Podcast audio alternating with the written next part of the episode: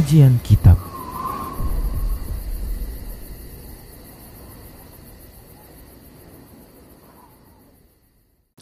Assalamualaikum warahmatullahi wabarakatuh.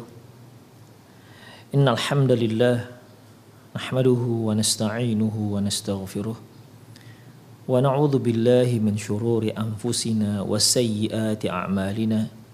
May yahdihillahu fahuwal muhtad wa may yudlil falan tajida lahu waliyyan mursyida Asyhadu an la ilaha illallah wahdahu la syarika lah wa ashhadu anna Muhammadan abduhu wa rasuluh alladzi la nabiyya ba'dah. wa qala Allah Subhanahu wa ta'ala ya ayyuhalladzina amanu taqullaha haqqa tuqatih wa la tamutunna illa muslimun ya ayyuhalladzina amanu taqullaha wa qulu qawlan sadida yuslih lakum a'malakum ويغفر لكم ذنوبكم. ومن يطع الله ورسوله فقد فاز فوزا عظيما. يا أيها الناس اتقوا ربكم الذي خلقكم من نفس واحدة وخلق منها زوجها وبث منهما رجالا كثيرا ونساء واتقوا الله الذي تساءلون به والأرحام إن الله كان عليكم رقيباً أما بعد إن أصدق الحديث كتاب الله وخير الهدي هدي محمد صلى الله عليه وسلم وشر الأمور محدثاتها وكل محدثة بدعة وكل بدعة ضلالة وكل ضلالة في النار kaum muslimin dan kaum muslimat para pemirsa Alhamdulillah kembali di pagi hari ini kita bertemu dalam pembahasan perjalanan setelah kematian yang kita ambil dari kitab Al-Qiyamatus Sughra. Ikhwah yang mudah-mudahan dirahmati oleh Allah Subhanahu wa taala.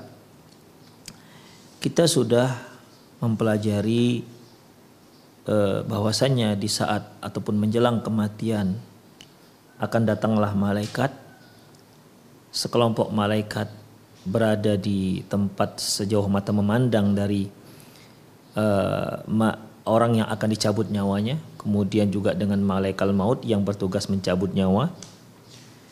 Kemudian ikhwah juga telah kita pelajari bahwasanya kematian itu ada sakrotnya. Ada sakrotnya, yaitu rasa sakit ya yang dirasakan siapa pun dia sebelum proses pencabutan nyawa.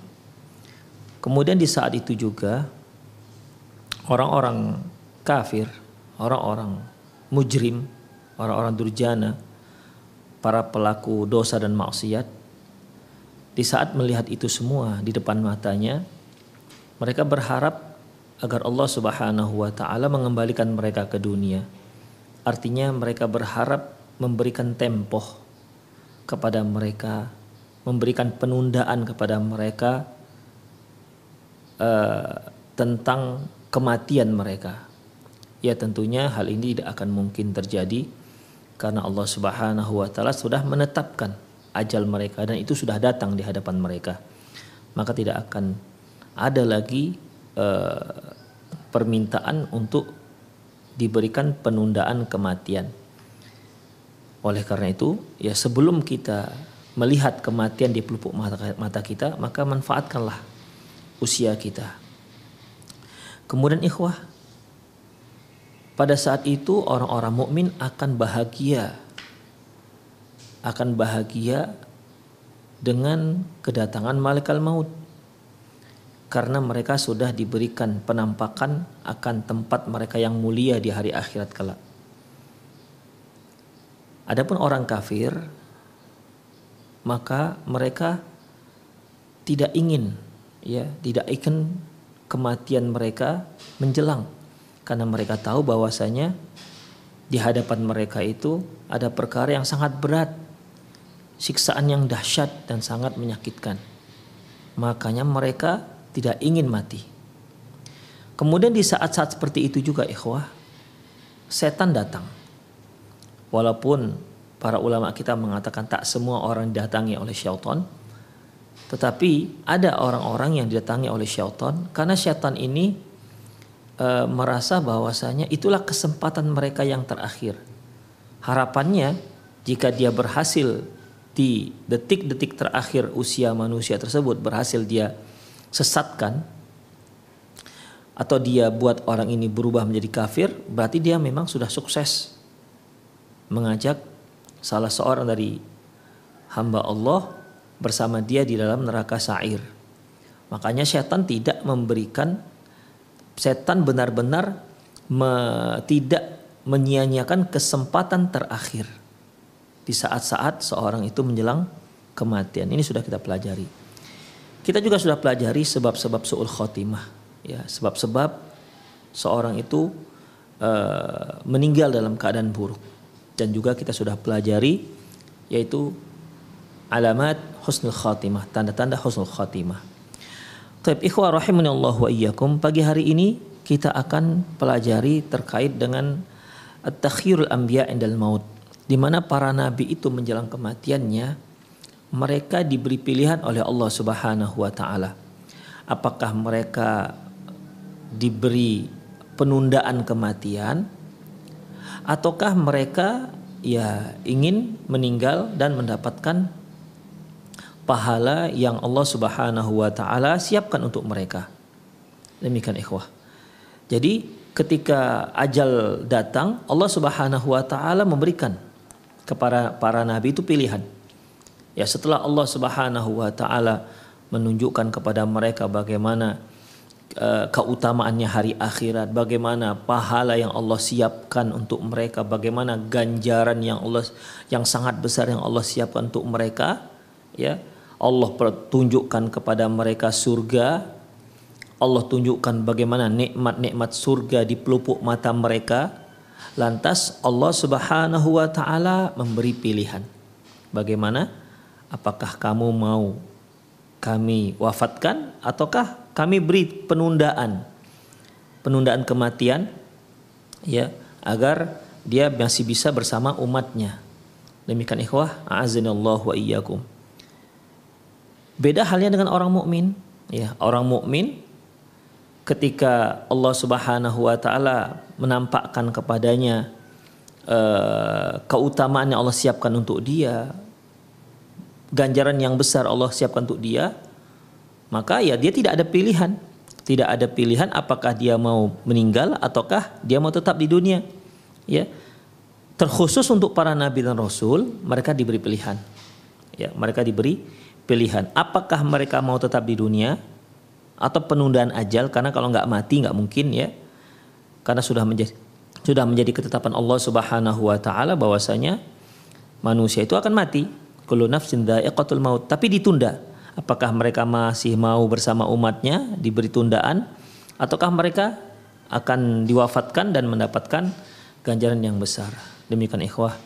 Jadi ya logikanya ikhwah azinallahu iyyakum ketika Allah Subhanahu wa taala memberi pilihan ya memberi pilihan antara dunia dan akhirat sementara dia sudah dipastikan mendapatkan surga. Saya kira tidak ada seorang pun yang mukmin yang memilih dunia. Tak ada. Pasti bagaimanapun ceritanya tetap saja mereka akan memilih akhirat. Karena surga yang sudah menanti mereka, ikhwah. Ya. Apalagi di sana sudah dampak surga. Jadi sudah bisa dapat perbandingan. Ya. Sudah ada perbandingan antara dunia dan dan akhirat dan surga yang akan dia dapati. Akan semakin nampaklah bagaimana hinanya dunia akan makin kelihatanlah bagaimana tak berharganya dunia. Kita sekarang yakin kita bahwasanya surga itu lebih baik. Akhirat itu lebih baik wal akhiratu khairul laka minal ula. Akhirat itu lebih baik untukmu dan lebih utama. Dan seterusnya dan seterusnya dengan hadis-hadis yang telah kita baca. Ya. Tapi bukankah terkadang ketika kita dibenturkan antara kepentingan dunia dengan kepentingan akhirat, mau tidak mau kita harus memilih, sering kita kalah. Kita lebih memilih dunia, padahal kita tahu akhirat itu lebih baik. Begitulah kita ikhwah, azillahu iyyakum. Ya. Makanya Allah Subhanahu wa taala telah memberikan wanti-wanti kepada kita tentang dunia itu bagaimana. Seperti Allah Subhanahu wa taala firman dalam surah Al-Ankabut ayat 65, "Wa ma hadhil hayatud dunya illa lahu wa la'ibu." Tidaklah dunia ini kecuali hanya senda gurau dan mainan-mainan belaka. Wa inna daral akhirata lahiyal hayawan law kanu ya'lamun. Sesungguhnya hari akhirat di situ ada kehidupan yang sebenar-benarnya. Kehidupan yang hakiki kesenangan yang hakiki. Semua yang hakiki ada di akhirat. Di dunia tidak ada yang hakiki, ikhwah. Ya, kesenangan kita sementara. Di balik kesenangan akan menanti kesedihan, di balik kesedihan akan dinanti oleh kesenangan. Begitu ikhwah. Tidak ada yang kekal. Ya. Seorang terkadang kaya, yang kaya bisa menjadi miskin, miskin bisa menjadi kaya. Itulah dunia ikhwah. La'ibun walahun. La'ibun walahun senda gurau dan mainan belaka. Tidak ada yang seperti hakikatnya kehidupan. Di dunia Allah Subhanahu wa taala memberikan kehidupan, tapi ada batasnya. Di dunia Allah Subhanahu wa taala memberikan kebahagiaan, tapi ada batasnya. Di akhirat Allah Subhanahu wa taala memberikan kehidupan tanpa batas, memberikan kenikmatan tanpa batas, memberikan kita eh, kepemilikan yang hakiki. Di dunia apa yang kita dapat kemudian diambil oleh Allah, kita harus mengucapkan inna lillahi wa inna ilaihi rajiun. Sesungguhnya kita itu milik Allah dan sesungguhnya kembali kita itu kembali kepada Allah Subhanahu wa taala, pemilik yang hakiki. apa yang kita miliki di dunia sebesar apa pun rumah yang kita miliki. Ya, sehebat apa pun, se sebanyak apa pun harta yang kita kumpul-kumpuli, tapi kita nggak pemilik hakiki. Pemilik hakikinya adalah Allah Subhanahu wa taala. Sewaktu-waktu akan diambil oleh Allah Subhanahu wa taala, tidak ada seorang pun yang mampu menghalang-halangi. Ikhwah rahimanallahu Itulah dunia ikhwah. Ya. Harga dunia itu terlalu rendah, terlalu rendah dibandingkan akhirat. Kembali Allah Subhanahu wa taala menyebutkan dalam surat Taubah ayat 38, "Fama mata'ul hayatid dunya illa fil akhirati illa qalil." Tidaklah kenikmatan dunia dibandingkan akhirat illa qalil kecuali yang sedikit. Sedikit. Makanya para ulama mendefinisikan dunia itu kenapa dikatakan dunia? Dikarenakan dua sebab. Yang di, pertama dikarenakan apa? Lidunuwihi. Dikarenakan dunia itu dekat dengan kita. Kita sekarang berada di di alam dunia, dekat dengan kita. Yang kedua, lidaniyatihi. Yang kedua dikarenakan hinanya dunia. Demikian ikhwah. Ya. Pernah ada suatu hadis di mana Rasulullah Shallallahu alaihi wasallam ketika beliau uh, apa namanya memasuki pasar lantas uh, beliau melihat se, uh, bangkai kambing cacat bangkai anak kambing yang cacat. Rasulullah angkat ya Rasulullah angkat anak kambing cacat ini bangkai anak kambing ini. Beliau katakan siapa yang mau beli ini satu dirham? Itu bangkai anak kambing yang cacat, telinganya kecil karena cacat dan mati. Itu yang dipegang Rasulullah. Siapa yang mau beli anak kambing cacat ini, bangkai anak kambing cacat? Satu dirham. Kata sahabat, ya Rasulullah nggak ada yang mau. Siapa yang mau beli bangkai? Oke, kalau dia hidup siapa yang mau beli? Ya, siapa yang mau beli? Satu dirham. Ya Rasulullah, kalau dia hidup nggak akan ada juga yang beli. Sedangkan kalau dia sehat saja nggak ada yang beli yang seperti ini karena masih terlalu kecil. Apalagi dia cacat, nggak akan ada yang mau membelinya. Demikian. Lantas apa kata Rasulullah SAW? La dunya ahwanu minhu. Sungguh dunia lebih lebih hina dibandingkan bangkai anak kambing cacat ini. La ilaha illallah. Begitulah Rasulullah membandingkan dunia dengan akhirat. Di saat seperti itu, para rasul diberi pilihan, ikhwah. Diberi pilihan, nah gimana? Apakah kalian masih mau di dunia? Ataukah kalian mau pilih akhirat? Itu setelah apa, ikhwah? Setelah Allah memberikan gambaran kepada mereka, memperlihatkan kepada mereka tempat mereka di akhirat. Kesenangan dunia. Ikhwah, takkan ada orang memilih dunia, ikhwah, kalau sudah seperti itu. Orang mukmin saja sebagaimana uh, sabda Rasulullah SAW yang diriwayatkan oleh Imam Bukhari di mana Rasulullah Shallallahu Alaihi Wasallam mengatakan man ahabba liqa Allah ahabba liqa'ahu. Wa man kariha liqa Allah kariha Allah liqa'ahu. Man ahabba liqa Allah kariha ahabba Allah liqa'ahu. Barang siapa yang suka dengan suka bertemu dengan Allah maka Allah akan suka bertemu dengan dia. Wa man kariha liqa Allah barang siapa yang tak suka dengan bertemu dengan Allah karihallah liqa'ahu liqa'ahu maka Allah pun benci dengan tak suka bertemu dengan dia berkata sebagian istri Rasulullah SAW Ya Rasulullah, inna lanakrahul baut. Ya Rasulullah, sesungguhnya kami itu tidak suka dengan kematian. Artinya kalau mau ketemu Allah kan harus mati dulu. Ya. Oke, dia cinta dengan Allah, kepingin ketemu dengan Allah. Apakah mungkin ketemu dengan Allah tanpa melalui kematian? Tidak mungkin. Ya, makanya istri Rasulullah ada istri Rasulullah bertanya, "Ya Rasulullah, inna nakrahul maut." Ya Rasulullah, tapi kami itu tidak suka dengan kematian.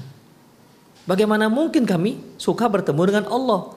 Pada dasarnya mereka suka bertemu dengan Allah, tapi tidak suka dengan kematian ini. Apa kata Rasulullah Sallallahu Alaihi Wasallam? Lah, nggak seperti itu. Walakin al mukmin. Hanya saja seorang seorang mukmin, idza hadarahul maut, apabila dia mendekati kematian, basyarallah maka Allah Subhanahu wa taala uh, lakin al, al mu'min idza hadarahul maut busyra biridwanillahi wa karamati. Hanya saja orang mukmin apabila sudah mendekati kematian, menjelang kematian, maka dia diberi kabar gembira dengan apa ikhwah? Dengan keridoan Allah, dengan kemuliaan yang telah Allah siapkan untuk dia. Demikian, itu menjelang kematian. Jadi ditayangkanlah di hadapan dia bagaimana surga yang akan dia dapati, bagaimana nikmat kubur yang akan dia dapati. Demikian. Fama ahabba syai'un ilaihi mimma amamahu. Maka melihat kondisi seperti itu, melihat apa yang Allah tunjukkan kepada mereka, tidak ada yang paling dia sukai selain apa yang ada di hadapannya, yaitu kematian. Itu orang mukmin, ikhwah. Ya. Orang mukmin. Tidak ada yang lebih dia sukai ketimbang apa? Ketimbang apa yang dia ada di hadapannya. Jadi kalau dia disuruh balik lagi ke dunia, dia nggak mau. Ya. Kalau dia disuruh balik ke dunia, dia tak akan mau. Dia pasti memilih ridho Allah. Dia pasti memilih keutamaan Allah. Dia pasti memilih nikmat kubur yang telah Allah sediakan pada dia. Dan dia tentu pasti akan memilih surganya Allah subhanahu wa ta'ala. Demikian ikhwah. Rahimani Allahu wa iyyakum. Maka sejak saat itu ahabba ahabba liqa Allah maka saat, saat itu dia sangat ingin sekali dan cinta sekali suka sekali mau bertemu dengan Allah fa ahabba fa ahabba Allah liqa'ahu maka Allah pun akan menyukai akan suka bertemu dengan dia demikian ikhwah jadi munculnya rasa suka rasa cinta bertemu dengan Allah setelah Allah berikan tayangan itu setelah Allah tunjukkan bagaimana kemuliaan yang Allah berikan yang Allah siapkan untuk dirinya Demikian ikhwah rahimanallahu iyyakum. Ya, itu orang mukmin. Apatah lagi para nabi. Allah nampakkan surga. Mari kita lihat ikhwah dalam sebuah hadis yang diriwayatkan oleh Imam Bukhari dari Aisyah radhiyallahu anha di mana uh, dia berkata kana Rasulullah sallallahu alaihi wasallam yaqul wa huwa fi wa huwa sahih Nabi Wasallam pernah berkata bersabda ketika beliau sedang sakit, uh, ketika beliau sedang sehat. Innahu lam yuqbad nabi lam yuqbad nabiyyu qattun hatta yara maq'adahu minal jannati thumma yukhayyar.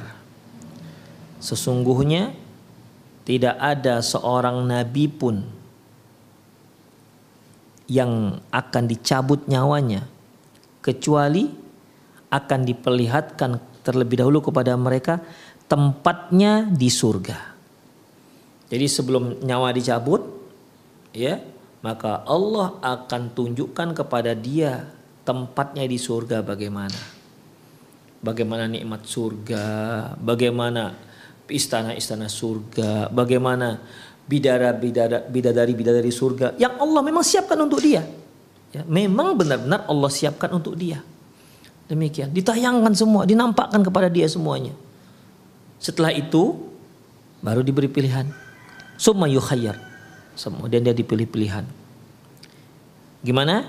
Apakah kamu masih mau tetap di dunia ataukah memilih berpulang ke rahmatullah?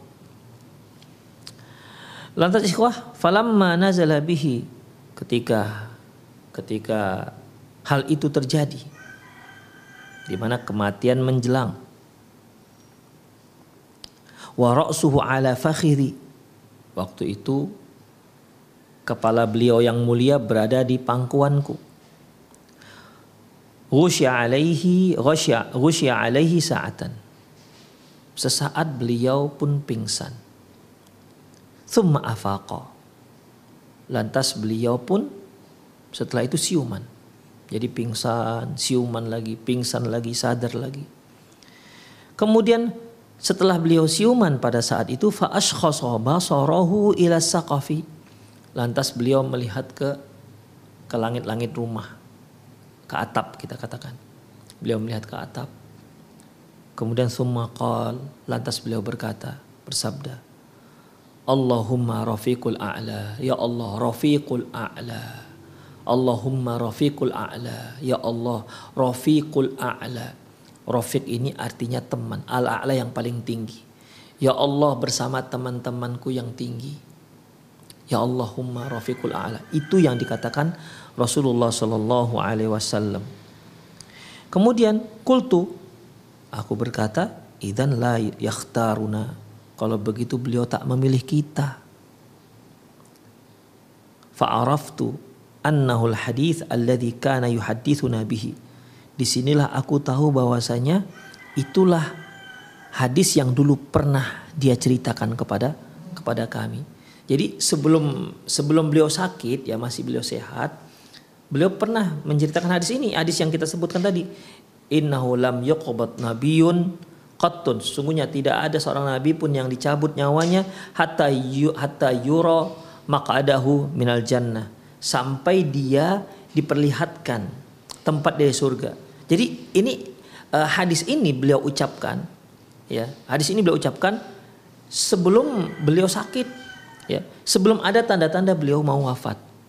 Nah, setelah kejadian itu ya di mana Rasulullah mulai sakit, beliau pingsan, kemudian beliau siuman lantas mengatakan Allahumma rafiqul a'la, ya Allah rafiqul a'la. Di situlah Aisyah radhiyallahu anha teringat dengan hadis yang pernah Rasulullah ucapkan tadi. Innahu lam yuqbat nabiyyun qattun hatta yura maq'adahu minal jannah. Sesungguhnya tidak ada seorang nabi pun yang mau dicabut nyawanya sampai diperlihatkan dahulu tempat dia di surga. Summa yukhayyar lantas dia pun diberi pilihan. Apakah mau lanjut meninggal ataukah tetap di dunia. Itulah diingat Aisyah radhiallahu anha. Aisyah masya Allah seorang istri yang luar biasa cerdas ikhwah. Ya, cerdas langsung dia faham dengan kejadian itu langsung dia connect dengan hadis yang Rasulullah Shallallahu Alaihi Wasallam uh, sebutkan. Demikian.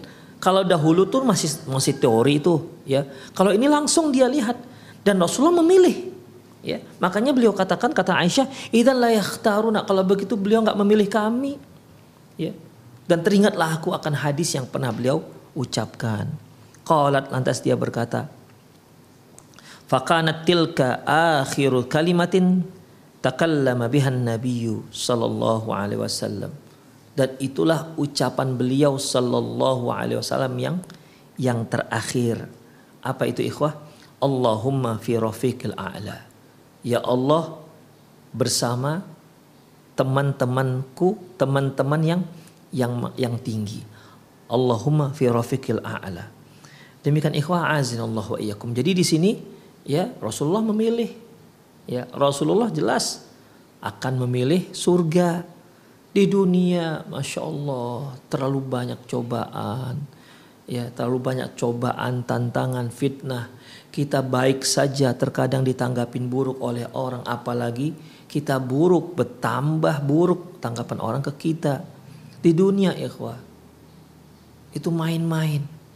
Ya, kita berbuat buruk dikatakan orang buruk, kita berbuat baik dikatakan orang apa namanya uh, pencitraan dan itu terjadi ikhwah. Jadi semuanya buruk.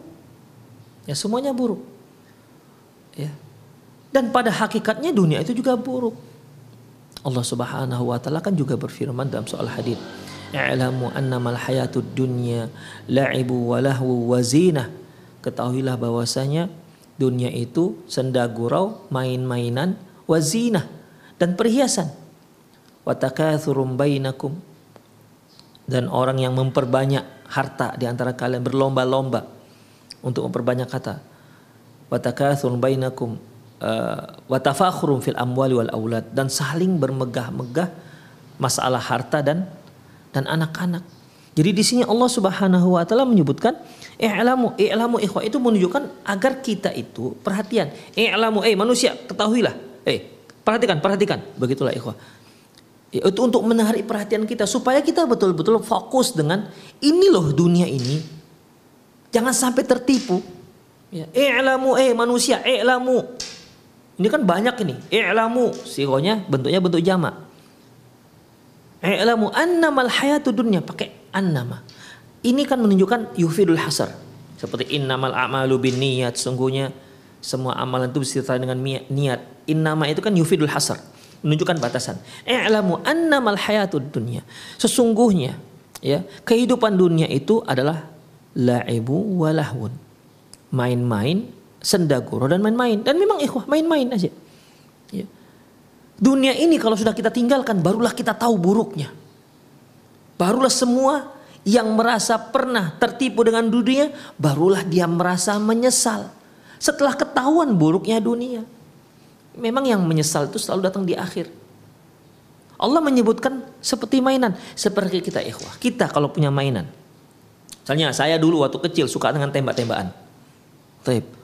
Sampai usia saya SD suka dengan tembak-tembakan. Suka dengan mobil-mobilan buat sendiri pakai kayu. Apakah setelah saya remaja, setelah saya dewasa masih suka dengan tembak-tembakan ini? Masih suka dengan mobil-mobilan dari kayu ini? Enggak lagi ikhwah. Kita sudah menganggap apalah ini. Karena pikiran kita sudah dewasa. Tapi bagi anak-anak, bagi anak-anak ikhwah, mainan yang nggak seberapa kata orang dewasa, bagi mereka itu segalanya. Dia bisa nangis gulung-gulung gara-gara kehilangan mainannya. Kalau Anda berikan dia cek 2, 2 miliar dengan mobil-mobilan, dia akan pilih mobil-mobilan ketimbang cek 2 miliar. Karena mereka belum paham belum tahu bahwasanya mereka itu sedang main-main. Kita yang sudah dewasa sudah paham bahwasanya ini mainan, nggak ada gunanya sekarang. Ya kalau kita disuruh pilih antara mainan mobil-mobilan dengan dengan cek 2, 2 miliar ya kita pilih 2 miliar. Demikian ikhwan nggak akan mungkin lagi kita pilih mainan. Begitulah dunia. Lahibu walahu Allahu Akbar. Tapi ya Allah berkali-kali sudah ingatkan kepada kita. Ya kita tetap saja sibuk dengan dunia, melalaikan akhirat, lebih mengutamakan dunia, melalaikan akhirat. Sudah berkali-kali Allah Subhanahu wa taala katakan, dunia itu bagaimana lagi kata Allah? Wazina, perhiasan. Artinya ini dunia kalau nggak dihias, buruk dia ikhwah. Ya, buruk. Perhiasan saja. Perhiasan itu bisa ditanggalkan nampaknya supaya indah. Makanya sesuatu kalau dihias kan indah dia. Ya. Ah, kalau dia nggak dihias kan nggak indah. Itulah perhiasan dunia itu begitu dihiasi, terutama yang menghiasi adalah syaitan.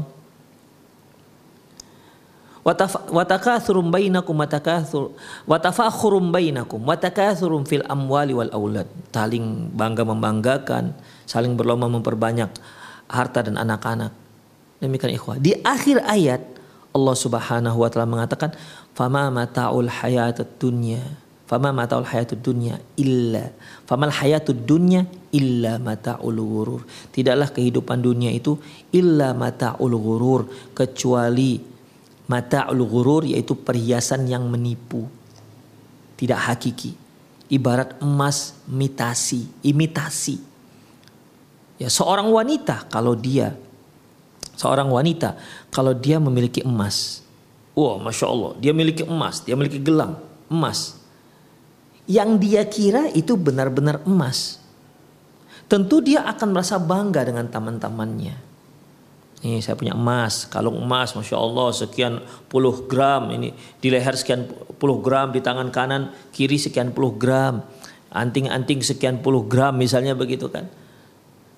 Dia kira itu emas. Bagi ibu-ibu yang mengerti bahwasanya emas yang dipakainya imitasi, kira-kira bangga dengan dia? Gak bangga. Alah, imitasi aja bu, begitu. Nggak usah dibanggakan imitasi. Demikian ikhwah. Walaupun sekian puluh gram, sekian puluh gram. Tapi imitasi tetap lebih berharga emas yang walaupun hanya satu gram. Tapi beneran. Itulah yang hebat, yang hakiki ikhwah. Kehidupan dunia itu begitu. Kehidupan dunia tak beneran, kehidupan akhirat yang hakiki.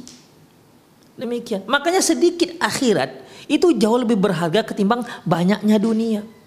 Bukankah Allah katakan terkait dengan masalah wanita? Ya, Ad-dunya mata. Dunia itu merupakan perhiasan. Wa khairul mata imratun solehah. Dan sebaik-baik perhiasan adalah imratun solehah. Yaitu wanita yang solehah. Karena wanita solehah ini merupakan benda akhirat ikhwah. Gak bisa di, disamakan dengan rumah mewah, dengan mobil mewah, dengan jabatan yang tertinggi. Gak bisa. Ini semua dunia, sehebat-hebat dunia, tetap bangkai Ingat, sehebat-hebat dunia tetap tak lebih daripada bangkai. Wanita solehah ini benda akhirat. Makanya kalau seorang dipilih, disuruh diberikan pilihan antara harta, benda, tahta dan seterusnya dengan wanita yang solehah, seorang yang mengerti kehidupan yang hakiki, dia akan pilih wanita solehah dibandingkan dunia ini semua. Benda solehah, ikhwah. Makanya Allah Subhanahu wa taala tidak ingin Manusia itu memilih dunia. Allah suruh kita sholat. Ya. Allah suruh kita agar kita itu ikhlas karena Allah. Karena itu untuk akhirat. Ketika seorang sholat untuk dunia, ya Allah, Allah tak ingin ini karena dia sedang menginginkan sesuatu yang hina. Mengapa kalian minta yang hina? Hanya pujian orang. Ini dunia semua hina. Demikian. Allah ingin kita itu memilih yang jelas berharganya yaitu ikhlas mengharapkan pahala dari Allah, mengharapkan surga dari Allah. Jangan pilih yang hina-hina ini. Demikian ikhwan. Makanya selalu para ulama kita di awal kitab menyebutkan innamal a'malu binniyah wa innamal likulli imri'in ma nawa. Sesungguhnya amal itu serta dengan niat. Masing-masing orang sesuai dengan apa yang dia niatkan. Ini dunia semua ikhwah, ya. Kalau kalau dia pilih dunia berarti dia sedang pilih yang hina, Makanya Allah suruh ikhlas, ikhlas, ikhlas. Demikian. Agar kita menjadi seorang yang cerdas memilih akhirat ketimbang yang hina. Demikian ikhwah rahimanallahu wa iyyakum. Jadi kalau para rasul memilih meninggalkan dunia untuk ke akhirat karena di sana ada surga, suatu hal yang sangat wajar. Jangankan rasul, kita aja sekarang kalau memang Allah menjamin kita masuk surga mati sekarang pun boleh. Ya. Kalau seandainya memang iya, ya kita dijamin masuk surga, mati sekarang pun boleh. Kalau memang iya. Tapi kan kita iya enggak ya masuk surga? Kan begitu masalahnya. Makanya kita hanya bisa mengetahui kondisi kita di akhirat itu kapan? Sesaat sebelum kita, sesaat sebelum kematian menjelang. Allah tampakkan kepada kita. Ini tempatnya. Makanya muncul rasa saat, rasa ingin bertemu dengan Allah Subhanahu wa taala. Ingin bertemu dengan Allah. Rindu yang membuncah dari dada. Kenapa? Jelas apa yang Allah Subhanahu wa taala untuk sediakan kepada kita. Makanya man ahabba man ahabba liqa Allah ahabba liqa'ahu. Barang siapa yang mencintai cinta dia dengan bertemu dengan Allah ahabballah liqa'ahu maka Allah pun suka bertemu dengan dengan dia. Demikian ikhwah rahimanallahu wa iyyakum. Kemudian wajah fi ihda riwayatihi dalam salah satu riwayatnya ya Aisyah radhiyallahu anha mengatakan fasami'tu nabiyya sallallahu alaihi wasallam fi maradil ladzi mata fihi. Aku pernah mendengar aku dahulu mendengar aku mendengar Nabi sallallahu alaihi wasallam mengatakan di saat beliau sakit yang membawa wafat beliau. Fa akhadathu buh uh, buhatun. Waktu itu suara beliau berat karena sakit ya. Suara berat buhah. Buhah itu suara berat uh, ya gimana kalau orang sudah sakit berat, sakit parah bicara gitulah kira-kira. Ya dibilang parau, kalau parau ini ikhwah uh, parau itu bisa juga dikarenakan orang flu parau. Tapi ini apa namanya? Suaranya itu berat gara-gara sakit. Itulah bohah namanya. Ya, as-sautul ghalidh. Uh, itu suara berat karena sakit. Beliau mengatakan ma'alladzina an'ama Allahu.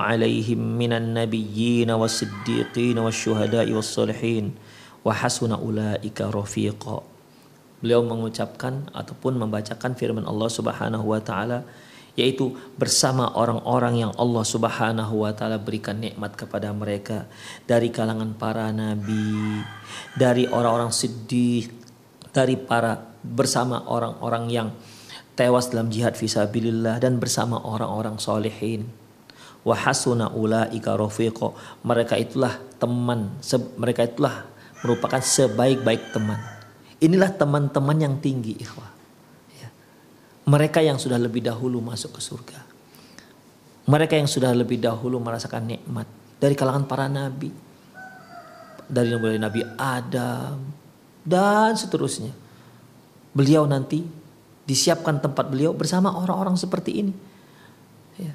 Makanya beliau mengatakan ma'arofikil a'la. Ya Allah bersama teman-temanku yang tinggi ini dia para para nabi, para siddiqin, ya.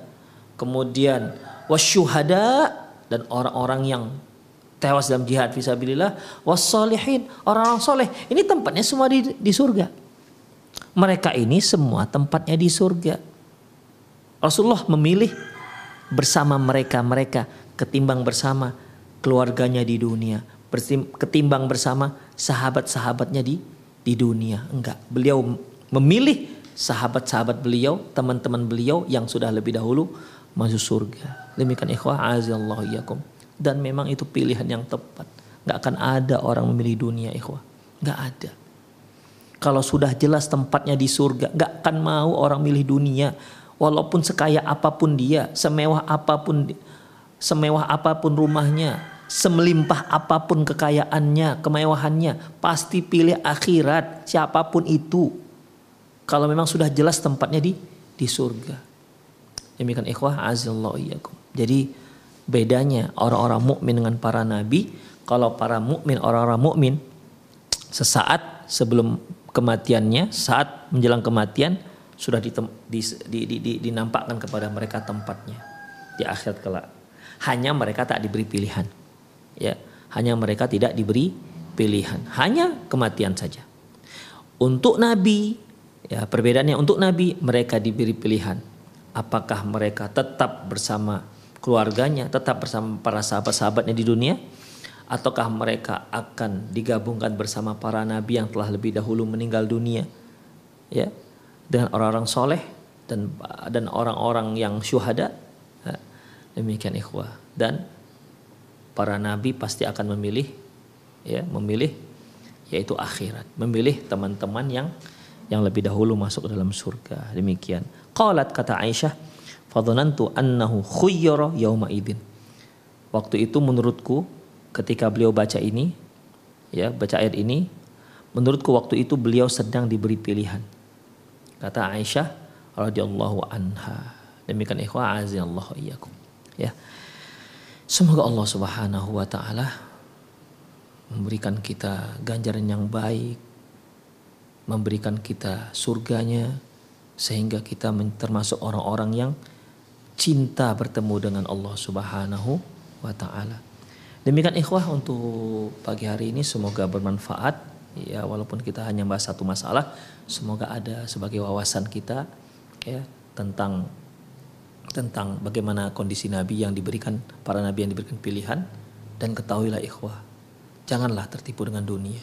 Di sini saya menghimbau tentunya diri saya sendiri dahulu kemudian para permisa, permisa agar janganlah tertipu dengan dunia jangan tertipu dengan dunia.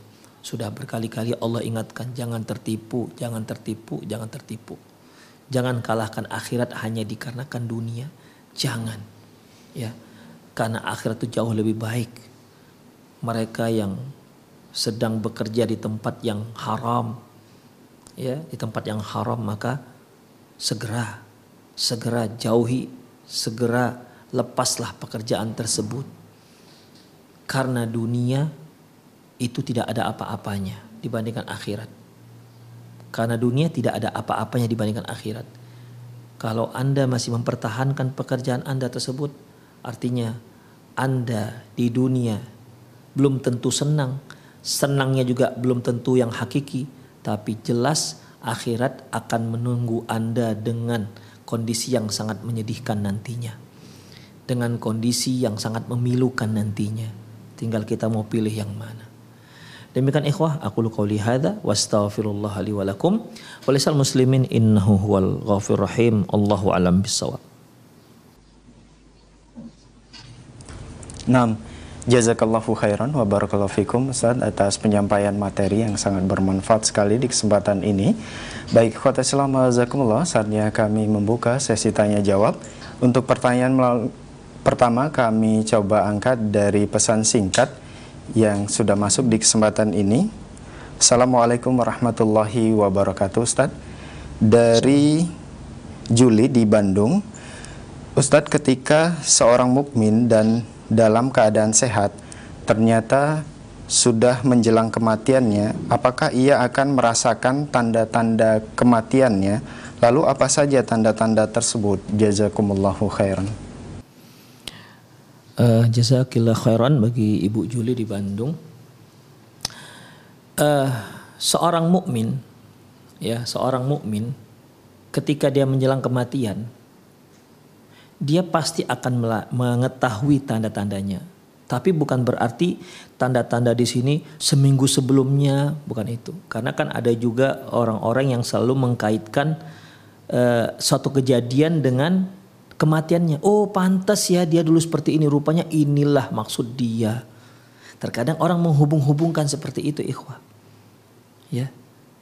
Kita tidak mengetahui yang mengetahui ajal kita hanya dengan pasti adalah Allah Subhanahu wa taala.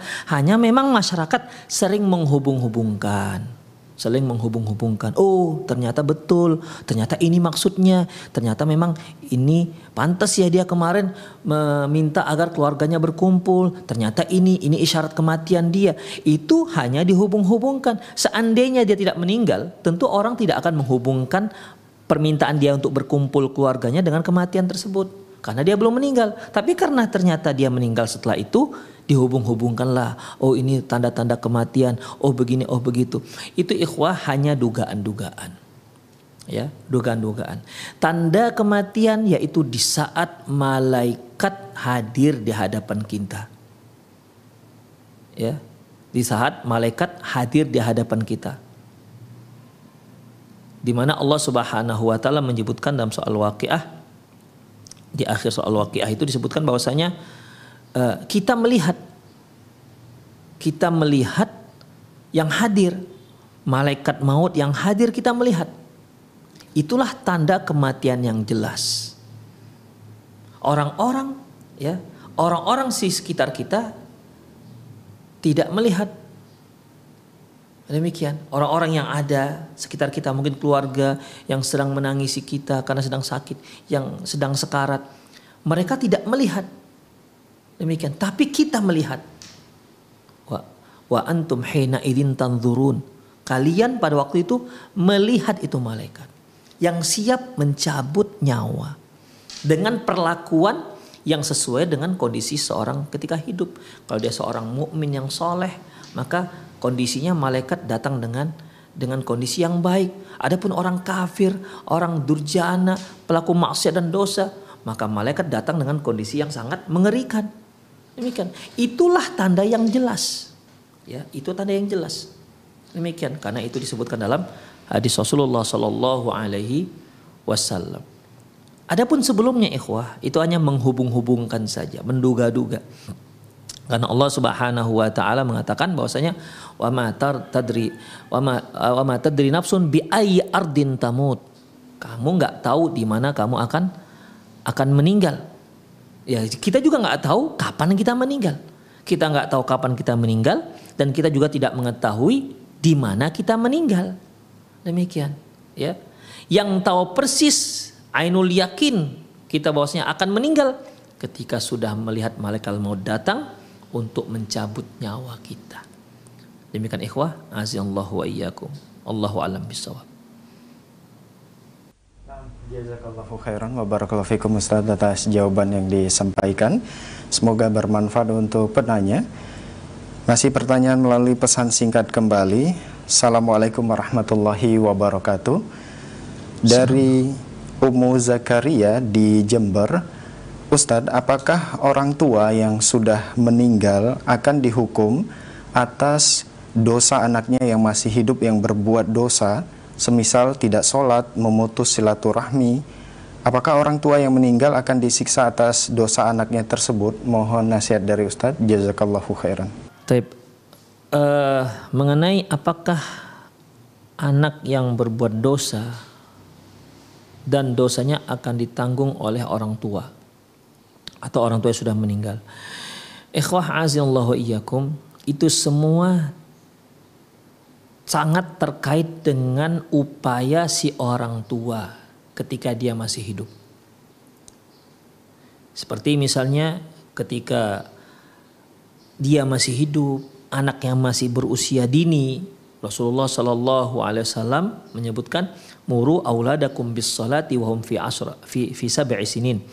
Perintahkan anak kalian sholat di saat mereka sudah berusia tujuh tahun.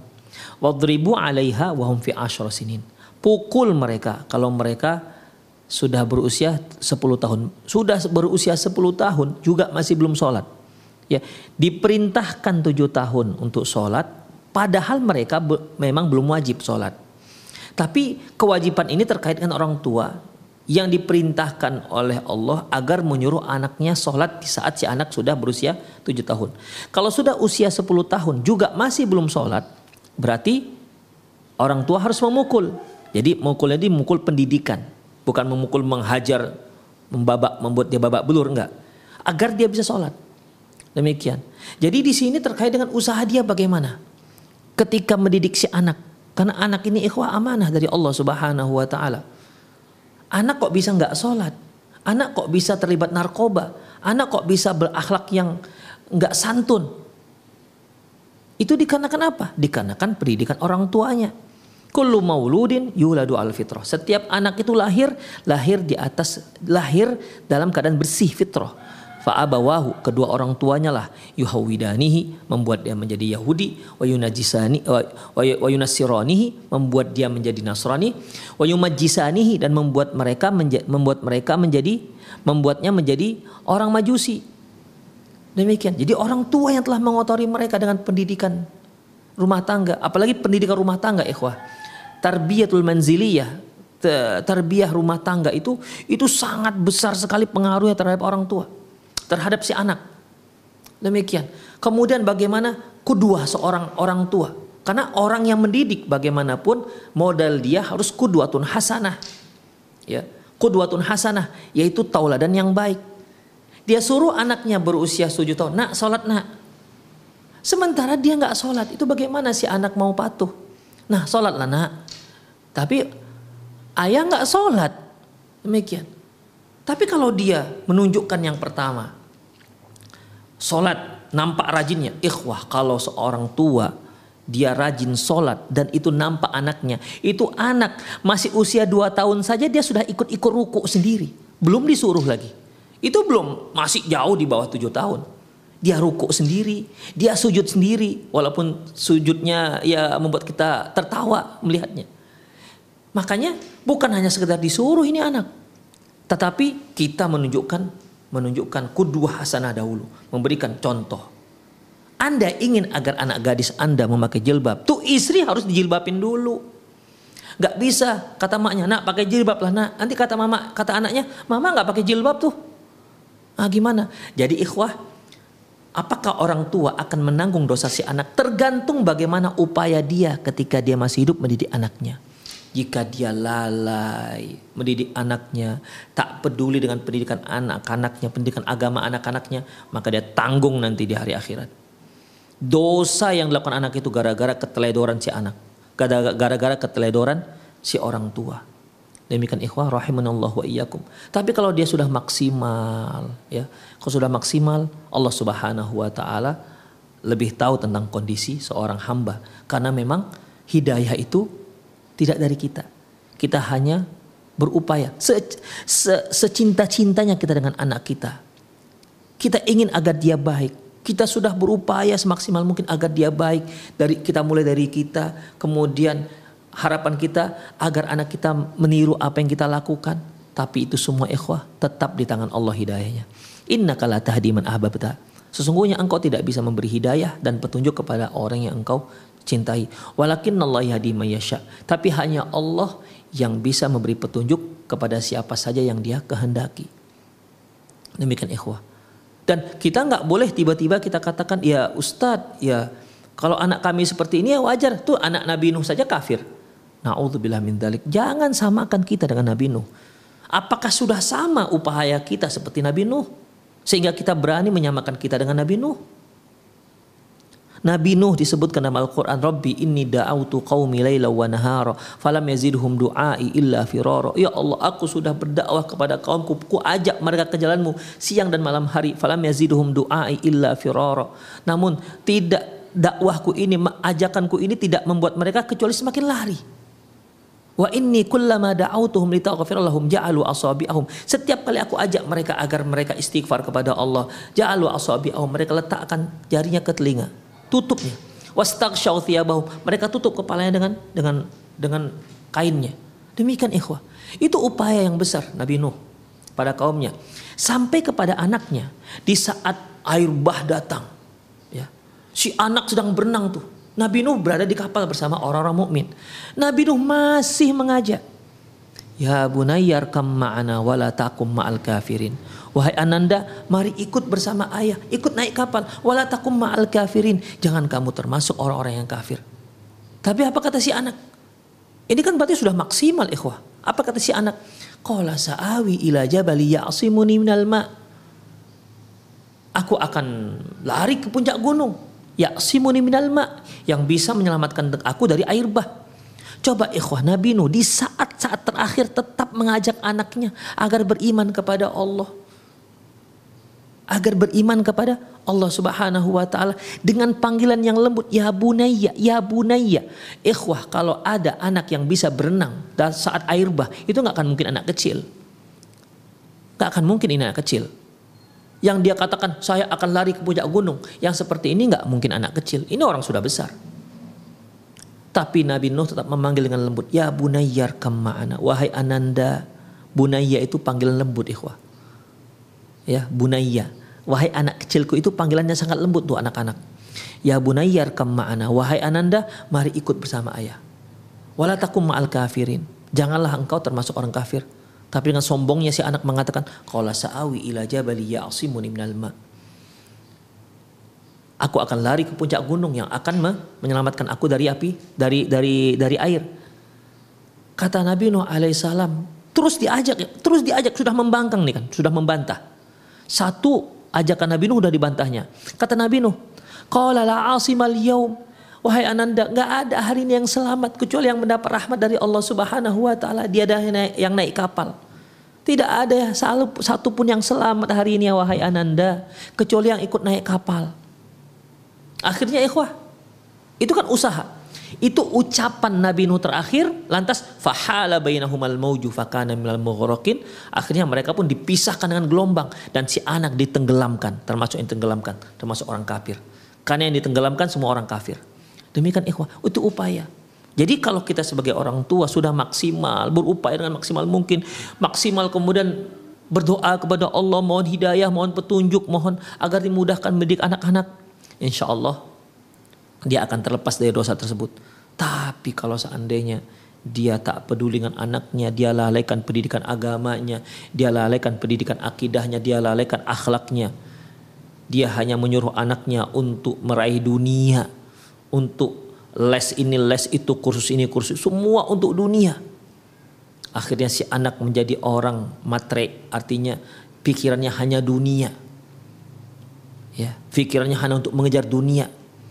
Tidak pernah dia memikirkan sholat, tidak pernah dia bagaimana caranya agar bisa mendekat kepada Allah Subhanahu wa taala. Kalau yang seperti ini, maka orang tua akan mempertanggungjawabkan itu semua kepada anak-anaknya, bukan dikarenakan anaknya berbuat dosa, tapi dikarenakan kelalaian dia yang menyebabkan kelalaian dia terhadap pendidikan agama si anak sehingga si anak berbuat dosa. Demikian ikhwah, dia yang telah dia yang menyebabkannya.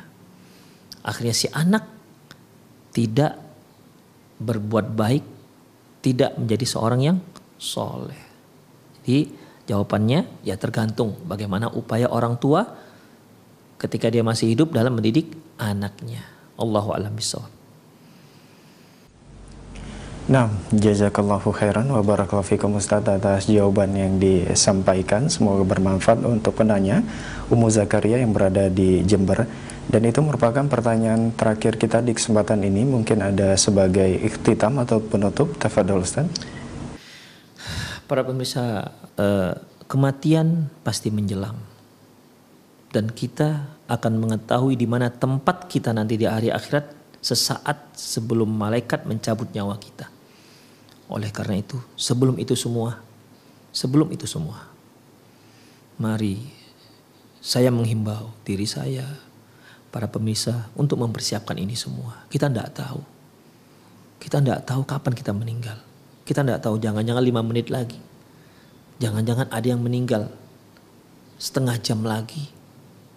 Maka manfaatkanlah usia kita sebaik-baiknya untuk pendekatan diri kepada Allah Subhanahu wa taala. Anda yang sedang sibuk dengan mencari dunia, jadikanlah kesibukan itu dengan niat yang baik agar dia menjadi ibadah kepada Allah Subhanahu wa taala. Semoga Allah Subhanahu wa taala memberikan kita husnul khotimah dan mengumpulkan kita semua dalam surganya Jannatun Naim. Demikian aku lu qauli hadza wastaghfirullah li wa lakum wa lisal muslimin innahu wal ghafurur rahim. Assalamualaikum warahmatullahi wabarakatuh.